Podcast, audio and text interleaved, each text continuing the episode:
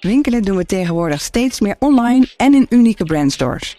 Leeglopende winkelcentra worden daarom getransformeerd tot woongebieden. Tegelijkertijd verrommelt ons landschap dankzij anonieme logistieke hallen langs de snelweg en staan onze steden vol met bestelbusjes en elektrische fietsen van bezorgdiensten. In deze podcast gaan Tracy en ik daarom op zoek naar inspirerende voorbeelden voor het veranderende winkellandschap. Mijn naam is Merel Piet en ik ben hoofdredacteur van Architect. En naast mij zit weer journalist Tracy Metz. Het is weer heel erg leuk om hier te zijn. Fijn dat je er bent, Tracy.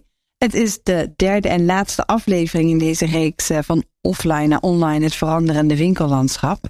Dat is weer snel gegaan, hè? Ja, veel te snel. Het is al bijna op, maar we hebben nog één goed gesprek te gaan. Ja, en waar de andere echt toch weer gingen over winkels en winkelcentra. En gaan we nu over iets heel anders hebben, maar wel iets wat heel erg te maken heeft met die, dat veranderende winkellandschap, namelijk de verdozing. We gaan nu naar de grote schaal, de landelijke schaal. Ja, want al het online shoppen heeft wel ruimte nodig. Nou, jongen, en steeds meer. Wat een veelvraat, dat online shoppen. Ja, enorme logistieke centra staan er langs de snelweg. En ik denk dat niemand had kunnen voorzien hoeveel het er zijn en hoe belangrijk eigenlijk dat onderwerp is in Nederland. We zullen er ook achter komen dat het ook in Nederland echt een onderwerp is. En in België een stuk minder, want we hebben vandaag een Belgische gast. Ah, fijne stad. Ja, want wie zijn er vandaag? Wij hebben vandaag weer twee gasten. Merten Nefs is uh, onderzoeker, werkte bij Delta Vereniging Delta Metropool. Jarenlang is onlangs overgestapt naar de Erasmus. En aan de Erasmus uh, en de TU Delft tegelijkertijd ben je aan het promoveren juist op de verdozing en de logistiek in Nederland met een proefschrift met de geweldige titel Landscapes of Trade. Echt goed gevonden. Ik ga het misschien zelfs lezen als het uitkomt. maar die was jou? Bastio. Bastio. Ja. Uh, of zo Franse. Ja. Studeerde aan de Sint-Lucas in Brussel en liep stage bij OMA. Heel even. Heel even. Ja, ja toch. Staat, als je er bent geweest, staat het op je cv ja. voor eeuwig. En in 2013 richtte ze samen met haar man William Zimmerman architectenbureau Wilma op. Nu Wilma Wastio. Daar werken technische en creatieve architecten voornamelijk aan industriële projecten zoals loodsen, productiebedrijven en voedingsbedrijven in de Benelux. Jullie hebben ook een prachtige koninklijke munt gemaakt dat eruit ziet als een goudklompje van golfplaat. Ja, dankjewel. Ja, echt bijzonder. En ze hebben een geweldige motto: In funk we trust. En ik hoop dat je ons straks gaat vertellen wat funk dan precies is. Ja. Mertie, je promotie gaat heten Landscapes of Trade. Hoe zou je zo'n landscape beschrijven? Zo groot zei je dat het hele nieuwe landschappen zijn, een nieuw soort landschap. Klopt. Uh, discussie gaat vaak ook over het inpassen van die grote, van die big boxes in het landschap. Maar dat, ze zijn eigenlijk zo groot dat dat niet werkt. Uh, in de meeste landschappen kan je ze niet kwijt.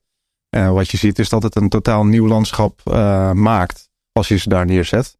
En daar zijn we ook nog niet zo goed in. Volgens mij hebben we daar nog werk in te doen. Is het doos bijna zelf een landschap? Nou, vooral als je er een paar bij elkaar zet. dat is ook wel één belangrijk aspect waar de bewustzijn nu ook wel meer over is. Dat je ze niet alleen ergens neer moet zetten, maar altijd in een, in een cluster. En dan hebben mensen er ook al snel minder last van. Okay. En, en, kan je er ook veel meer mee doen. Groenstructuren structuren tussen aanleggen bijvoorbeeld. Maar tegelijkertijd de bedrijven waarvan we hopen dat ze om die distrialen heen gaan clusteren, die blijven weg. Want er is eigenlijk weer niet genoeg ruimte voor hun. Dus we zitten, uh, het is vlees nog vis. Ja, de ruimte is enorm schaars hier. En uh, wat je ziet is dat, uh, dat gemeentes en provincies ook keuzes moeten maken.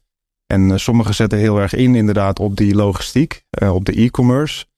Uh, en dat zijn ook heel veel spullen die eigenlijk uit Azië en andere plekken van de wereld komen, die we hier gebruiken. En wat je ziet is dat we dan niet hier die producten gaan maken. En dat wordt wel eens verwacht dat als je dan maar logistiek faciliteert dat er ook allerlei toeleveranciers en, en, maakbedrijven en maakindustrie bij gaat zitten. Maar dat blijkt helaas niet, uh, vaak niet te gebeuren. Maar dat is dan de reden van gemeentes om, om het toe te laten? Dat is vaak inderdaad de reden. en ook de banen. Dat was voor veel wethouders een reden om, om ze te bouwen. Om het toe te staan. Um, maar uiteindelijk ja, zijn het ook vaak arbeidsmigranten die dat werk moeten komen doen hier. Omdat we het zelf niet doen.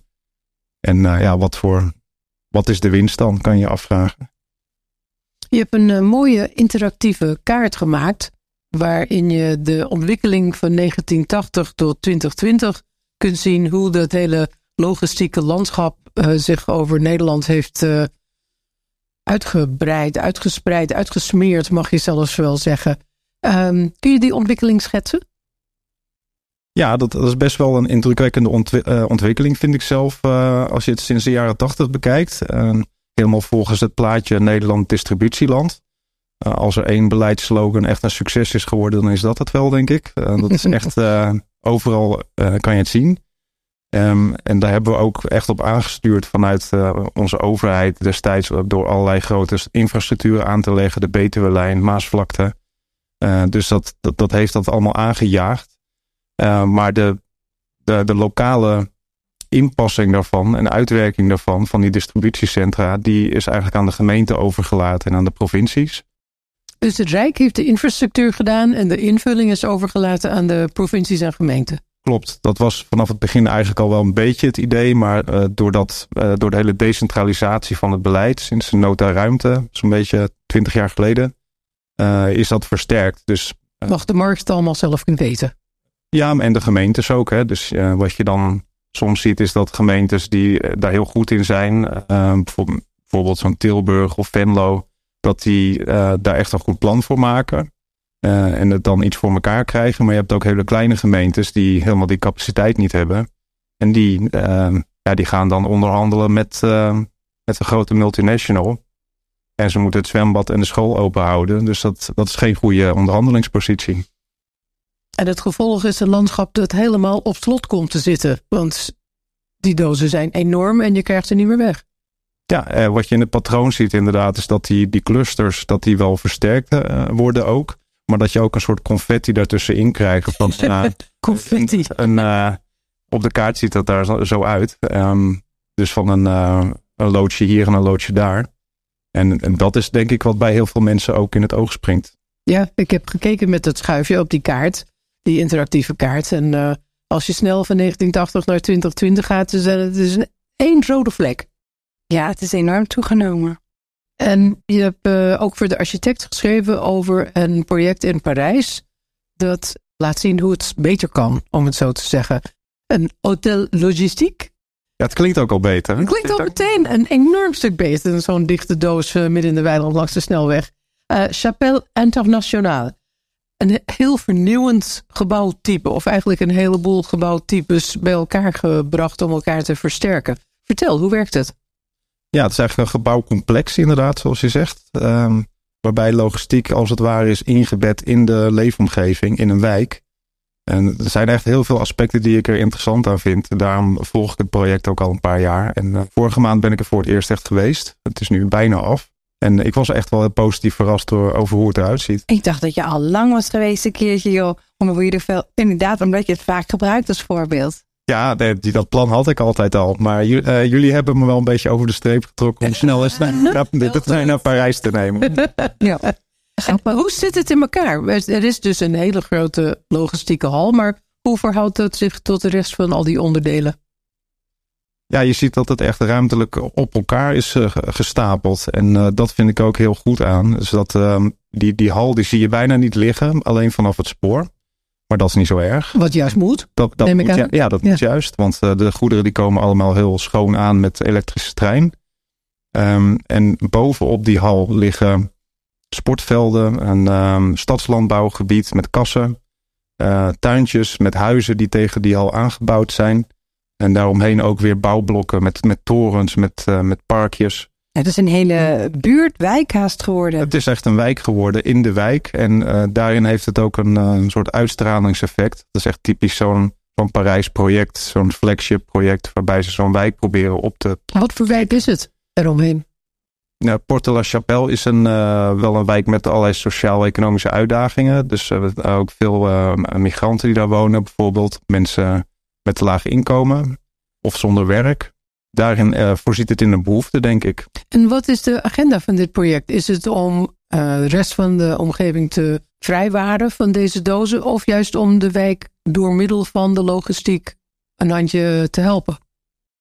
Ik denk beide. Dus op het niveau van de hele stad is het uh, project een, ja, een strategische ingreep om de hele stad schoon te houden in de toekomst. Met al die bezorgingen kan dat op deze manier zonder emissies. Ja, want die, even voor het beeld misschien van de luisteraars. De logistieke hal is 35.000 vierkante meter groot. Ja. Toch? Ja, dat, klinkt heel groot. Maar ja, dat klinkt zeker groot. Dat is relatief nog klein hoor. Oké. Dat is meer echt... De, ja, is het klein maar hé? De stadslogistiek. Middelgroot noemen we dat. Uh, echt klein. De kleinere units gaan van 10.000 vierkante meter en dan de echt heel grote, die gaan tot 150.000, zelfs meer. Dus, ah. Maar binnen een stad als Parijs is 35.000 vierkante meter zo dicht bij het stadscentrum best een grote logistieke centrum. Ja, jij, jij kent het project. Ja, ik ken het project. En het is ook een, een project waar, waar dat wij toekomst uh, in zien. Dat is eigenlijk ook de toekomst die wij zien voor logistieke halen binnen de steden. Dus zeker. Chapelle Internationaal is een van vijf van dergelijke hubs rond Parijs, als ik het goed begrijp. Ja, ongeveer vijf. Dus, uh, er wordt nog aan gewerkt. Dit is een van de eerste die klaar is. Uh, er wordt uh, volgend jaar ook gebouwd aan eentje bij de Quai de Bercy. en zo zijn er nog een paar. En dat zijn allemaal eigenlijk een soort inprikkers van, van spoor die de stad inkomen. Zo'n beetje bij de ringweg in de buurt. waar je makkelijk je goederen kunt overslaan op, op kleinere elektrische wagentjes. Waarmee de Parijzenaars hun goederen kunnen krijgen, hun, ja, hun koopjes. Dus er komt eigenlijk in de stad een totaal nieuw logistiek systeem hiermee. Ja, want uh, de burgemeester Anne Hidalgo die heeft uh, een aantal jaar geleden besloten dat per volgend jaar uh, geen enkele dieseltruck meer de stad inkomt. En dat is eigenlijk een hele heldere boodschap. en, en er kwam ook een zak geld bij. dat hebben ze daar goed geregeld. Dus het initiatief kwam van bovenaf, zeg maar? Ja, ja van bovenaf. Maar ook wel vanuit allerlei um, ontwikkelende partijen daar. Dus de spoorwegen, de, de NCNCF, die had toevallig dat, uh, uh, dat stuk grond al.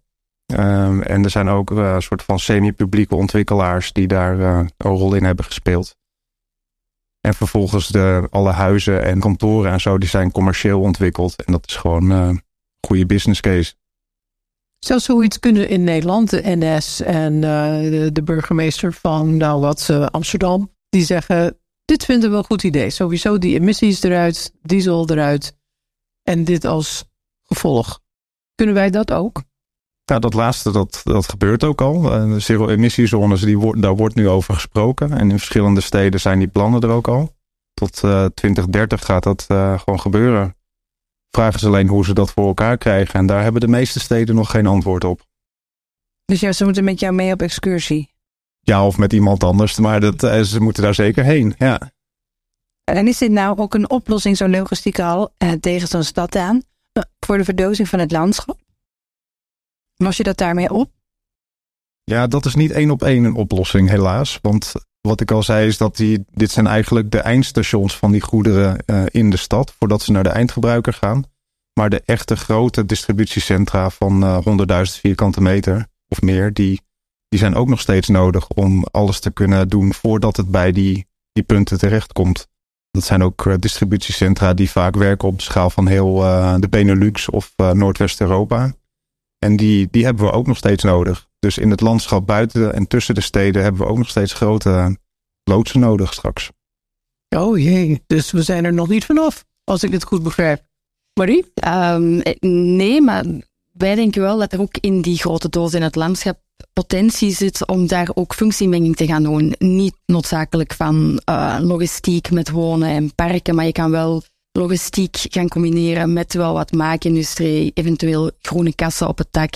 Dus wij geloven echt wel in een functiemenging die er gaat komen, ook in de dozen die in het landschap staan. En ik denk dat, dat je zoveel duurzamer omgaat met de ruimte die er ligt en die projecten die grote dozen ook gaat omvormen tot iets veel meer dan alleen maar een doos. Door het feit dat je toch weer verschillende functies krijgt. Dus Industry City is iets waar wij al vaak, of vaak hebben willen doen. In België is dat moeilijk omdat de wetgeving nog niet mee is, maar je hebt eigenlijk het idee is om een industrieterrein waar dat je uh, het body systeem, dus je hebt een heel grote logistieke speler, die heeft maakindustrie nodig, die heeft uh, knowledge nodig, uh, die heeft ICT.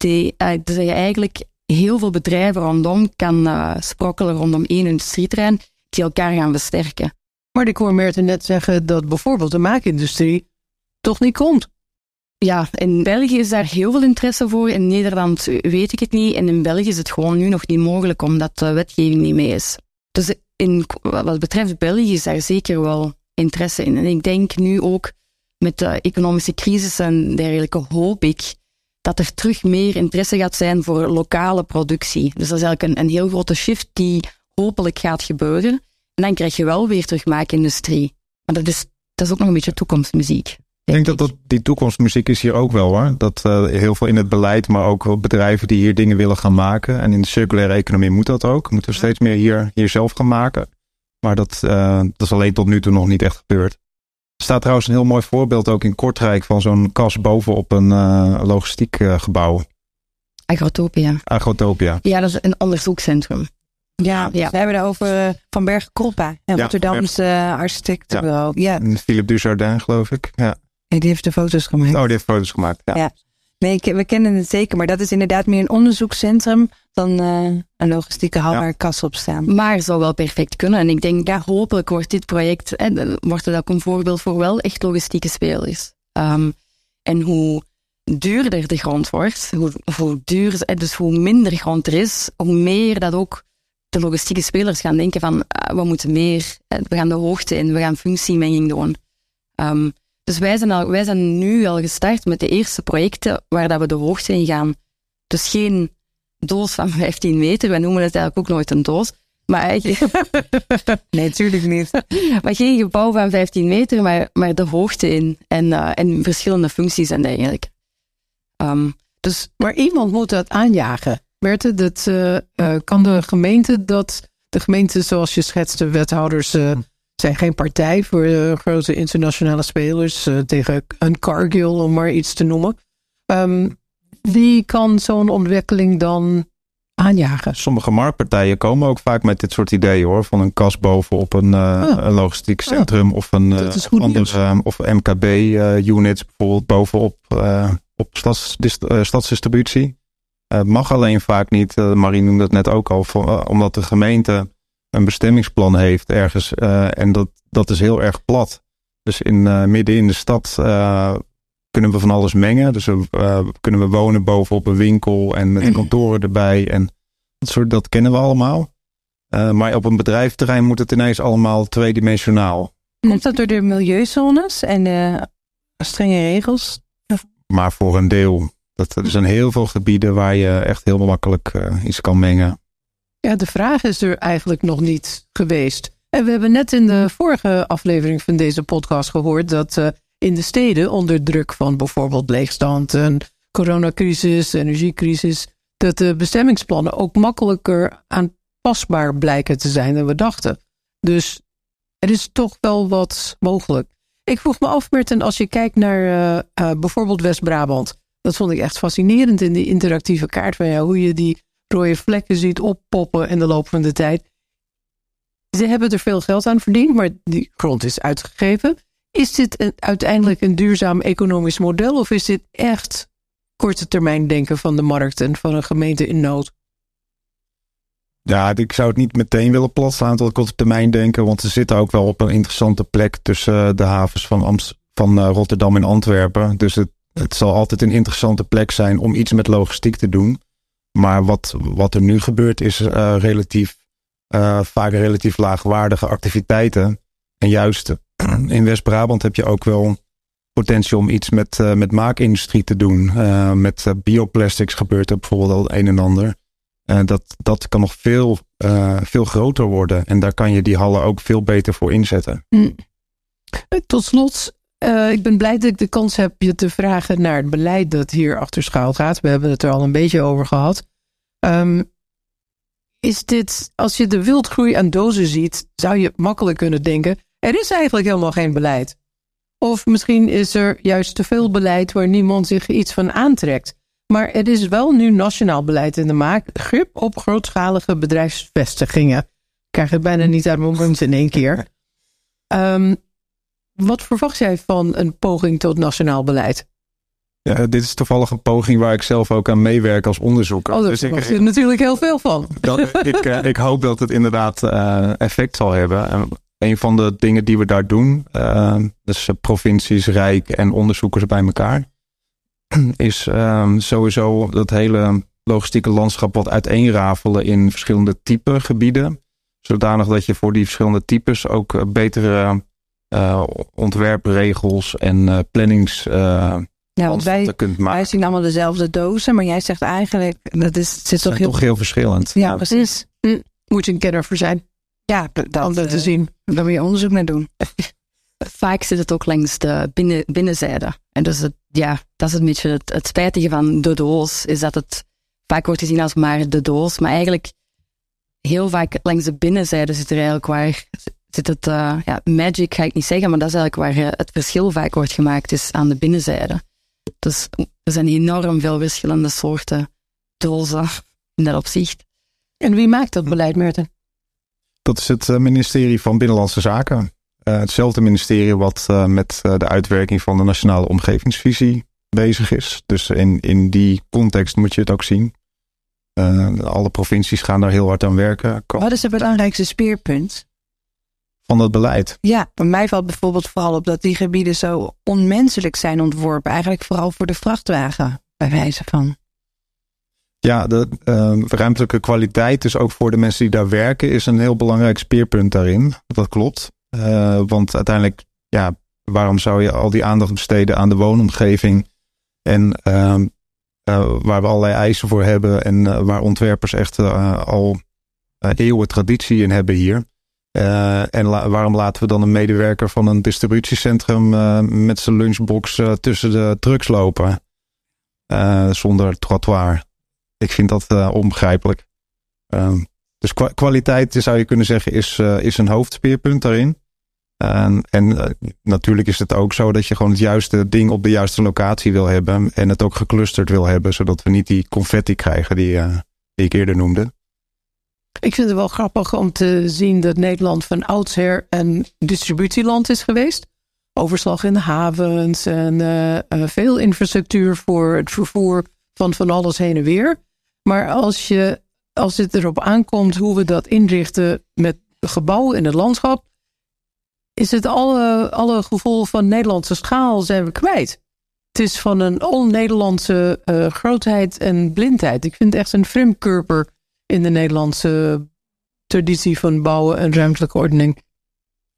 Ja, de, de schaal is wel een, uh, iets wat heel veel uh, emotie op, op, ook oproept bij heel veel mensen. Maar daar heb ik zelf toch ook wel een andere mening over. Oh, ik, vind, uh, ik ben namelijk wel echt fan van dingen als de Maasvlakte en die, die grote complexe. Ik, dat vind ik ook heel Nederlands dat we dat hebben. Um, we moeten ze alleen in het achterland gewoon beter ontwerpen. En dan mag het best een beetje een andere körper zijn dan wat er omheen ligt. Maar um, wel met kwaliteit. En beter ontwerpen betekent uh, uh, kleinschaliger, menselijker van schaal. Wat... Ja, dat hoeft dus niet. Je kan nee. ook iets groots maken wat ook kwaliteit heeft. Mhm. Mm -hmm. Misschien kan Marie daar straks ook nog iets over zeggen. Maar de, uh, bijvoorbeeld in, is integreren in natuurontwikkeling. Dat kan met een distributiecentrum eigenlijk heel goed, omdat die aan drie kanten, uh, drie gevels plus het dak, wat heel groot is, eigenlijk totaal stil is. maar aan één kant is er rumoer, waar de vrachtwagens aantakken in de, de, loading docks. En de rest kan je eigenlijk heel veel. Oh, gaan daar de haviken nestelen. Bijvoorbeeld. In de natuurinclusieve distributiehal. Ja, ik zie het ook helemaal uitgevonden. Ik zie het ook helemaal voor me dat je dan op schoolreisje gaat naar de Maasvlakte. Dat gebeurt er wel, naar zo'n infocentrum. Dat we dan naar, op schoolreis gaan naar een logistieke hal. Wie weet. Ik zou ervoor zijn. We moeten dit landschap gaan leren kennen, dit nieuwe landschap. Sowieso uh, raad ik iedereen aan om er te gaan kijken. Dan ga je er al anders naar, naar kijken, denk ik. En over nadenken. Ja, maar dat is dus natuurlijk wel. Nu nog kom je eigenlijk in een weet je niet eens waar je auto neer kan zetten, zeg maar. Het wordt je niet makkelijker gemaakt. Nee, dat klopt. Wanneer komt je uh, proefschrift af? Ja, is altijd lastig om te beloven. Hè? Maar ik, uh, binnen een jaar, uh, dan krijg jij er persoonlijk een van Trace. Oh, wauw. Nou, ik ga mijn best doen. We kijken er naar uit, Merten. En ik wil nog heel eventjes één ding. Merten heeft ons ook um, een tip gegeven. Want hij zegt, ja, die logistieke centra die we dus maken, daar wonen dus ook mensen naast die daarin werken. En dus ze publiceren straks een heel mooi foto-essay in De Architect. Waar je dus dan... Ja, van dat wonen? Van dat wonen. Oh, mooi. Ja, dus uh, ik ben heel erg benieuwd. Nou, Mert is onze ambassadeur uit een ons onbekende wereld. Ja, wat moet ik daarop zeggen? Je moet het zien stralen, maar dat kan de luisteraar niet. Dat doe ik. Nee, nou ja, je had een goede. Want het is inderdaad een, een, eh, een moeilijke typologie of vakgebied om eh, te doorgronden. Het is fascinerend, vind ik. Echt een Ja. plek waar we gewoon weinig aandacht voor hebben gehad. En Mm. echt, Het is ons overkomen. die fotoserie ook, die, die laat dat heel erg goed zien. Zeker. Dankjewel, Mert. Dankjewel. Want eh, ik ging ook heel hard op zoek online naar een architect die zich hiermee bezighoudt. Want ik, ik kan, kon ze gewoon niet vinden. En uiteindelijk startte, stuitte ik op eh, het bureau van Marie, Hilma Bastio. En eh, ik, ik, heb, eh, ik, heb, ik heb heel lang op die website rondgekeken en ik moest er heel erg. eh, ja, ik was verrast. En in één keer was daar gewoon iemand ook heel trots op dat ze, dat, dat ze met deze opgave aan de slag gaat. Natuurlijk eh, maken ze verschillende dingen, maar Refunk Industrial Architecture. Welkom Marie. Hallo. Nou, ehm, de meeste luisteraars zullen je misschien ook niet kennen, net als dat ik je niet kende. En ehm, ehm, hoe kan het dat, dat ik jullie niet kende, denk je? Ehm, ja, bij eh, ontwerpen vooral industriële architectuur is geen populaire architectuur, wordt heel vaak ook niet bekeken als architectuur. Ehm, wordt heel vaak neerbuigend over gedaan. Is een beetje vergeten eh, als, als bouwtypologie ook vaak. Nu komt het in Nederland heel veel aan nieuws, omdat er heel veel discussie over de verdozing uh, in België wordt er nog altijd niet echt uh, naar gekeken. En zelf um, doen wij ook helemaal niets aan marketing of PR. Dus ja. Behalve een goede website. Ja. ja. En is de discussie, uh, want je werkt in België en in Nederland. Ja. Is de discussie over deze logistiek, hadden die industriële architectuur ook verschillend? Um, in, in België lopen we vooral op um, problemen met, met de wetgeving die eigenlijk niet echt volgt. Dus, dus het stapelen van verschillende functies, het mengen van uh, verschillende programma's in één gebouw. En in België hebben we niet echt de, de publieke opinie tegen de verdozing. Zo, not in my backyard. Dat hebben we in België niet, omdat we er heel lang over nagedacht, maar omdat in België is evolutie al veel langer bezig, hebben we zeker in Vlaanderen veel minder vrije ruimte. En bevinden eigenlijk de meeste logistieke panden in, in industriegebieden die er al van de jaren zeventig staan. Dus snijden we veel minder landschap aan uh, dan in Nederland. Dus er zijn andere plekken. Plekken die al van de jaren zeventig eigenlijk langs de grote verkeersinfrastructuur ligt. Langs de kanalen, aan de havens, langs de autosnelweg. Dus veel minder het landschap in. Ook omdat er in België niet zoveel landschap niet meer is. Dus ja. ik ben ooit eens door België gefietst. En daar had ik toch het idee dat er heel veel uh, landschap was. Maar uh, daar wordt in ieder geval alles over gaan. Um, je bureau ben je niet zelf begonnen. Je vader zat er al in, dat klopt toch? Ja, klopt. Dus mijn vader is in de jaren tachtig um, architectenbureau Wassio opgericht. Uh, mijn man en ik zijn in... We hebben ook deels een stage daar gedaan. En in 2013 hebben wij dan ons eigen kantoor ook opgericht. En ondertussen werken we eigenlijk samen.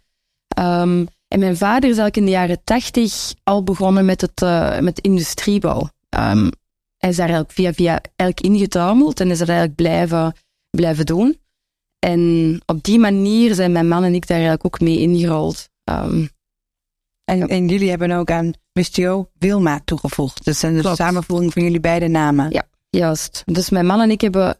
Um, ja, ergens moet je dan een keuze maken en op een bepaald moment ben je een beetje rebels en heb je van ik wil mijn eigen ding doen, ik wil mijn eigen uh, um, wil doordrijven. En als je dan een eigen bedrijf, een eigen architectenbureautje hebt, is het eenvoudiger om te zeggen van uh, ik ga nu even aan dit werken. En dus dan, om een soort van onafhankelijkheid te hebben, hebben we een eigen kantoor opgericht. Maar ondertussen merkten we ook wel dat die dualiteit tussen enerzijds het kantoor van mijn vader, wat een technisch kantoor is met heel veel ervaring in het bouwen, gewoon heel goed werkte met een jonger architectenbureau die soms iets naïver is in het, in het in, ja, brutaler in, in de aanpak. En dat is een dualiteit die werkt, omdat je elk, elkaar constant in vraag stelt. Um, en je houdt je elkaar in evenwicht. Um, het was eigenlijk de droom van, van mij en mijn man om een internationaal kantoor op te richten. Niet evident, omdat wij in het, in het landschap zitten. we zitten in de Kempen, dus op een half uurtje van Antwerpen. Um, en daar, dat was eigenlijk ook een van de redenen van nee, we gaan een internationaal bureau oprichten in het platteland van België, uh, van, van Vlaanderen. En dat is ook een beetje de reden waarom we zeggen, we, maken Wilma. Ja, ehm, ik dacht dus, Wilma, staat een vrouw aan het hoofd van dat bureau. En ik vind het ook heel grappig. Eh, is het bewust die naam, vrouwelijk? Um, het is eigenlijk gewoon de samenvoeging van William, mijn man, en Marie. Um, en het is, we vonden het zelf ook gewoon heel erg grappig. En we nemen onszelf vooral niet te serieus. Vandaar ook de website We Funk Industrial Architecture. We proberen het ook allemaal een beetje uh, grappig, niet, maar we nemen ons vooral niet te serieus. Dus het feit dat het Wilma was zo is gewoon een naam, is ongelooflijk. Ik vind dat zelf ook heel erg grappig. Heel vaak als we ergens toekomen, het is mijn vader of mijn man, dan krijgen ze inderdaad horen van, ah, we hadden elke Wilma verwacht. Dus ja. Ja, dat dacht ik dus ook. Ik ga met Wilma spreken toen ik jullie benaderde. Maar toen zag ik niemand die Wilma heet in het bureau zitten. Toen dacht ik, oh nee, toen dan maar dan uh, iemand anders. Maar grappig. En jullie uh, hebben dus duidelijk een soort van uh, brutaliteit. Uh, of ja, of een andere manier van kijken naar die logistieke architectuur, die industriële architectuur meegebracht. Vind ik het leuk om een aantal projecten van jullie langs te gaan. Ja. om, eerst even eentje in België. Suprema Torre. Ja. En als we het dan hebben over die menselijkheid toevoegen. Wat ik net ook met Merten aan Merten vroeg op die terrein. Ik heb het idee dat jullie dat daar in dat ontwerp heel erg hebben gedaan. Dat proberen wij op elk, uh, want het is inderdaad zoals Merten zegt, van menselijke, menselijke schaal is er vaak gewoon niet op die industrieterreinen. Dus wij proberen dat telkens eigenlijk op het terrein zelf in de mate van het mogelijke te ontwerpen. Enerzijds door recreatieve ruimtes op het dak, of toch, een, toch zoveel mogelijk groen rondom het gebouw waar dat de werknemers even kunnen gaan zitten. Uh, en bij Suprema Tongeren was dat inderdaad ook een van de. Dat is een opgave die wij onszelf ook steeds geven. Um, nu, er is ook een gigantische war on talent, dus heel veel bedrijven gaan daar zelf ook heel erg op inzetten. Dat mensen die voor hun werken echt trots zijn op de plaats waar dat ze werken, graag naar hun werk komen en ja, dat is ook dat is een opgave waar dat wij heel, heel, heel hard mee bezig zijn op kantoor. Van, want Suprema Tongeren is begonnen als een puzzel van um, industriële processen. dus ingenieurs geven ons de, de CAD-tekeningen van de industriële processen. En dan beginnen, leggen wij samen met de ingenieurs het puzzel. Ja, wat is dus een fabriek? Ja, het is een fabriek. Er wordt XPS gemaakt, EPS gerecycleerd naar XPS en in de tweede fase zal er PIR gemaakt worden.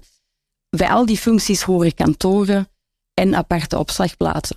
Dus het is eigenlijk een kleine, ja, het is echt een fabriek waar alles bij elkaar zit. Dus in dat opzicht is het, is het anders dan een typische doos van de verdozing, dat we hier echt eigenlijk een volledige schema hebben bijna. Oude producten komen binnen, worden gerecycleerd, er zijn nieuwe producten en die gaan weer buiten. Ja, dus naast de opslag heb je nog veel, is gewoon de rest van de proces er ook bij.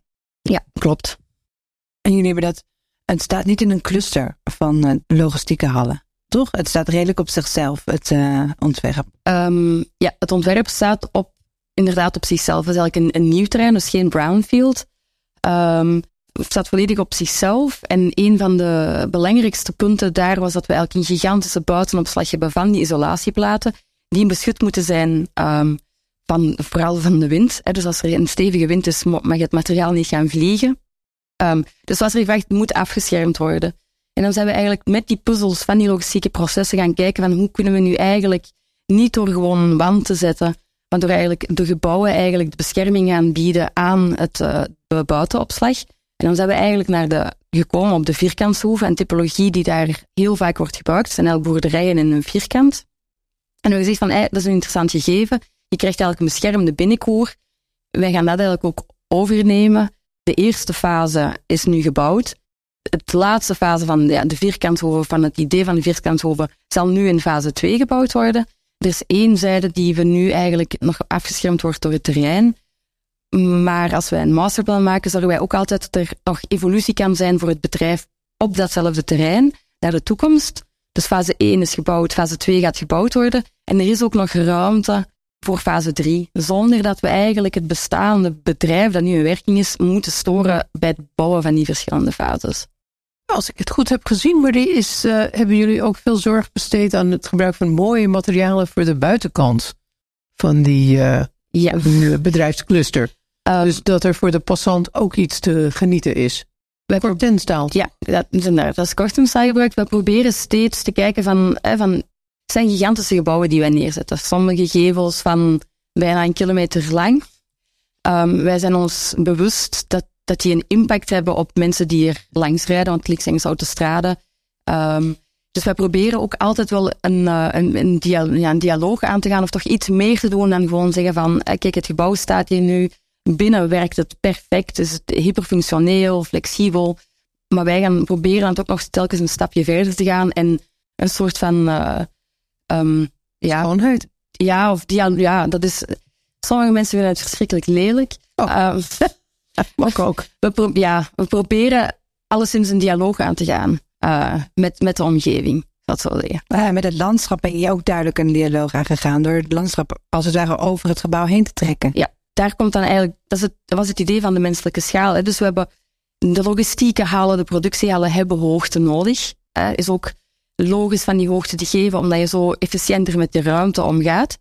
Um, daar horen ook kantoren, daar horen uh, de mensen die in de logistieke hallen uh, werken, die eten uiteraard hun boterhammen niet in die logistieke hal op, die komen naar de kantine.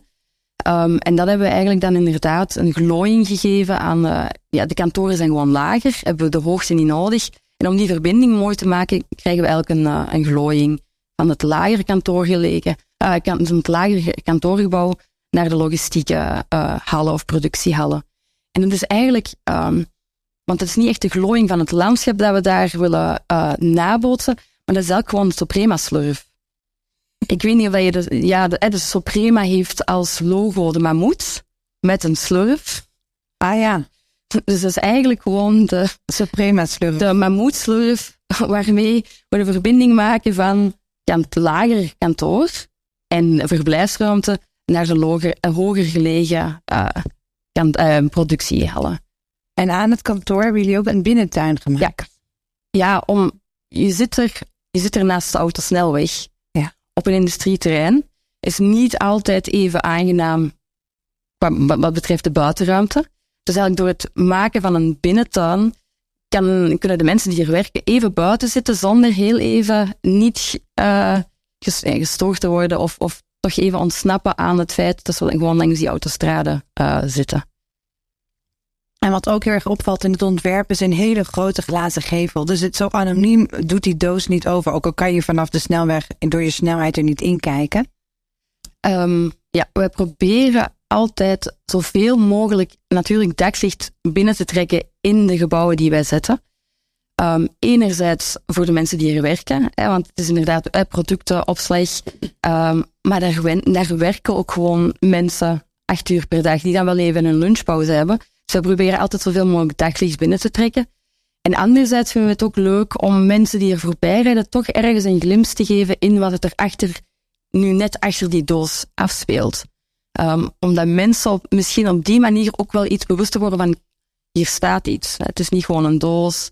Um, dus ja, ik denk moesten mensen kunnen binnenkijken in een pakjes of een sorteercentrum van een e-shop, dat ze meer gaan nadenken van, ah ja, oké, okay, mijn pakje komt hier vandaan. Ik denk dat er ook nog een beetje een, uh, ja, een afscheiding zit. Ik denk dat heel vaak mensen niet beseffen, ik koop s'avonds een pakje om, voor 11 uur en de volgende dag ligt het aan mijn deur. Ik denk dat heel veel mensen ook nog niet helemaal bewust zijn van het proces. Ja. Is dat wat, Mertje? Ja. Dat we overal uh, glazen gevels gaan maken en al die dozen? Ik denk dat het een heel goed idee is. Want heel veel van het sentiment inderdaad uh, voor die loodsen, dat komt uh, van de anonimiteit. Dus je, het staat in de weg, het staat ineens in your face of langs de snelweg. En wat, wat doen mensen daar eigenlijk? Wat gebeurt daar? Ja, het, het kan er net zo goed niet zijn, denk je dan. Ja, precies. En, en dat is trouwens ook wel een heel groot verschil met, de Marie noemde dat ook al, met de, de fabrieksarchitectuur, die van oudsher ook al meer uitgesproken is. Er zijn ook echt fantastische voorbeelden van, uh, van Johnson Wax Factories die echt wereldberoemd zijn en, uh, en beschermd zelfs, erfgoed. dat is één eigenaar, één gebruiker, één specifiek fabrieksproces. dat, dat levert blijkbaar specifiekere architectuur op. En bij de regel in de, in de logistiek is eigenlijk uh, anonimiteit en uh, flexibiliteit. Dus al die uh, loodsen die hebben een soortzelfde opzet. Internationaal over de hele, hele wereld zijn die hetzelfde. Jij gelooft wel in die specifieke architectuur. Ik denk dat je daar wel heel erg connectie kunt maken met A, wat erin gebeurt. En B, wat mensen daaromheen daarvoor relatie mee opbouwen. Dus als je naar binnen kan, kunt kijken, scheelt dat al heel veel. Specifieke architectuur is wel wat jullie doen. Dat, ja, toch? proberen wij te doen. We proberen eigenlijk aan elke doos, maar ik mag het eigenlijk geen doos noemen, we noemen het geen doos, aan elke bouw dat we ontwerpen, proberen wij een meerwaarde te geven, zodat het toch heel duidelijk is van, ah, dat gebouw staat in Almelo, dat gebouw staat in Venlo, dat is een gebouw dat in Antwerpen staat. Dus iemand die een foto ziet, die niet zegt van, ah, dit gebouw kan eender waar staan, of kan eender waar staan, maar wel ergens de link legt van, ah, dit gebouw, ah, dat is het gebouw dat in Venlo staat. Mm, ja. Dus weg van het generieke. Ja, alleen is er natuurlijk, het is, het is als Merten zegt, heel belangrijk, uh, ook naar duurzaamheid toe, dat die uh, loodsen heel functioneel, heel flexibel inzetbaar zijn. De bedoeling is ook naar Second Life toe. Vandaag heb je een huurder en die zit daarin en die doet in schoenen. Dat daar eigenlijk zonder al te veel uh, aanpassingen gewoon binnen twee jaar fietsen moeten in kunnen gemaakt worden. Dus dat spreekt van een, een soort van, ja, dan heb je al een, een generieke basis nodig, net om die functionaliteit en die flexibiliteit aan te bieden. Maar met de gevel is er heel veel mogelijk. Um, met de mezzaninekantoren is heel veel mogelijk. Met de omgeving er rond is heel veel mogelijk. Dus daar zit de funk in? Daar zit de funk in, voor een deel. Ja, klopt. Een enorm funkige gevel is natuurlijk die van de Koninklijke Munt in Houten. Ja. Um, dat is echt een betonnen bunker. Dus daar um, was voor ons heel erg, een, wij vonden het zelf een heel erg moeilijke opgave, omdat de mensen die voor de Koninklijke Nederlandse Munt werken in Utrecht, komen van een ongelooflijk mooi historisch gebouw gaan dan, hè, worden dan, um, ja, het bedrijf is verkocht, het gebouw is, is beschermd, was ook niet meer, hè, de Koninklijke Nederlandse Munt, uh, heel, heel hoge eisen qua inbraakwerendheid en, en uh, het waardegebied is volledig afgeschermd. We kregen de opdracht, we moeten een betonnen bunker maken uh, aan de grens van Houten voor de Koninklijke Nederlandse Munt. En we hebben direct gezegd van, nou, één, het moet een gebouw zijn dat um, werkt, functioneel is. Um, en betonnen bunker, veilig gebouw. Dus daar gaan we altijd van uit. En dan hebben we gezegd van, hoe kunnen we nu eigenlijk maken dat mensen hier terug graag komen werken? Want we halen ze eigenlijk uit het centrum van Utrecht, verplaatsen we naar de stadsgrens van Houten. Um, en dan doen we aan daglicht, maar ook enerzijds door het gebouw heel uh, ja, te bekleden met gouden industriële plaat. Ja, dat heb je slim gedaan, want uh, er is niet per se heel veel budget voor zo'n gevel. Nee, het, het, is, nee, nee, want het is, het is een industriële plaat gewoon die we er tegen plaatsen. Het is gewoon golfplaat, toch? Het is gewoon golfplaat. Fantastisch. Maar door het feit dat je anders gaat nadenken over die industriële golfplaat. Je hebt dus die golven in verschillende richtingen ja, zijn, ja, ja, klopt. Dus dat voor de luisteraar die het nog niet kent. Ja. ja, en daardoor lijkt het alsof het gebouw alle kanten uitsteekt. Ja. Maar de gevel is bijna recht. Ja, is, is elk 2D-gevel. Ja, ja, dat vind ik echt onvoorstelbaar. En ja, het is, het is wel een, gewoon een dichte doos. Uiteraard, het blijft. Het is een betonnen bunker. Maar, um, en ja, we hebben ze nu eenmaal blijkbaar nodig. Ja. ja. En van buiten relief maakt dat het veel levendiger is dan die binnenkant. Uh, ja, ja, de, ja, de binnenkant is ook op zich heel indrukwekkend, omdat net daar het productieproces en je hebt daar mensen die aan een bureau um, de erekentekens maken voor de Nederlandse mm. politie en de brandweer. Maar daar mogen wij niet komen. Nee, dus. Nee, dus binnen is het ook een heel interessant programma. Alleen konden we daar heel zichtbaar maken. Nee, konden we het niet zichtbaar maken. Um, In de kleur goud. Ja. ja, ja. We hebben heel lang gezocht naar de juiste kleur goud. Um, dus we nemen dan inderdaad een industrieel materiaal, basismateriaal. Maar dan zijn we eigenlijk heel lang op zoek gegaan naar de juiste kleur goud. Um, dus ja, er zit wel, we steken er best wel wat tijd in om meerwaarde te geven aan, aan, de, aan de industriële gebouwen. Ja. En ik wil dus heel graag als hoofdredacteur um, de architecten die het vakblad lezen meegeven wat je dus eigenlijk met die opgave kan. En ik hoop ook dat er steeds meer architecten betrokken raken hmm. bij die opgave. Waar, waar zeg jij, waar moeten ze natuurlijk naar jullie portfolio kijken, maar ook waar kijk jij naar? Waar haal jij je inspiratie uit? Wel, mijn man is Amerikaan. Hè? Um, dat helpt. Ja, ja nee. Dus, um, en hij is heel grote fan van um, Albert Kahn. Dus niet Lois Kahn, maar Albert Kahn. En die heeft eigenlijk heel mooie architectuur uh, gebouwd in Detroit. Um, fabrieken. En daar halen wij eigenlijk, maar heel uitgepuurd, uh, zijn broer, Julius Kahn, um, heeft de, de, de beton, de reinforced concrete uitgevonden. Dus Corbusier heeft heel veel, maar heel veel, ja, heel veel architecten weten niet heel veel van zijn uh, ja, knowledge ook gewoon, gewoon bij Albert Kahn gaan halen. Um, dus wij kijken naar Albert Kahn. Nou, daar gaan wij ook op zoeken. Tracy, ik heb er nog nooit van gehoord. Uh, ik ook niet. Ja, ja, als je de gebouwen ziet, ga je direct ja? ga je er wel in. Ja. Maar dat betekent wel, en dat vind ik bemoedigend om te horen in dit genre gebouwen waar we meestal zo negatief over zijn. Je zegt, het wordt ook meestal niet als architectuur gezien. Maar dat jullie als architecten daar wel degelijk kansen zien om een gebouw met zeggingskracht een sfeer van te maken. Het kan dus wel waarde toe te voegen. Ja, ja, ja. precies. Dat is inderdaad een beetje de funk, denk ik dan. Dat is de funk. Proberen waarde te creëren voor uh, ondergewaardeerde architectuur. Zonder eigenlijk in te boeten op uh, economische haalbaarheid, duurzaamheid en functionaliteit. Daar zit eigenlijk denk ik ergens de funk. en waarom ze jullie moeten vragen? Nou, dank jullie wel, Merten en Marie, voor dit uh, inspirerende gesprek. Nou, kom ik toch nog uh, uh, opgetogen en optimistisch vandaan. Er is meer mogelijk dan ik dacht.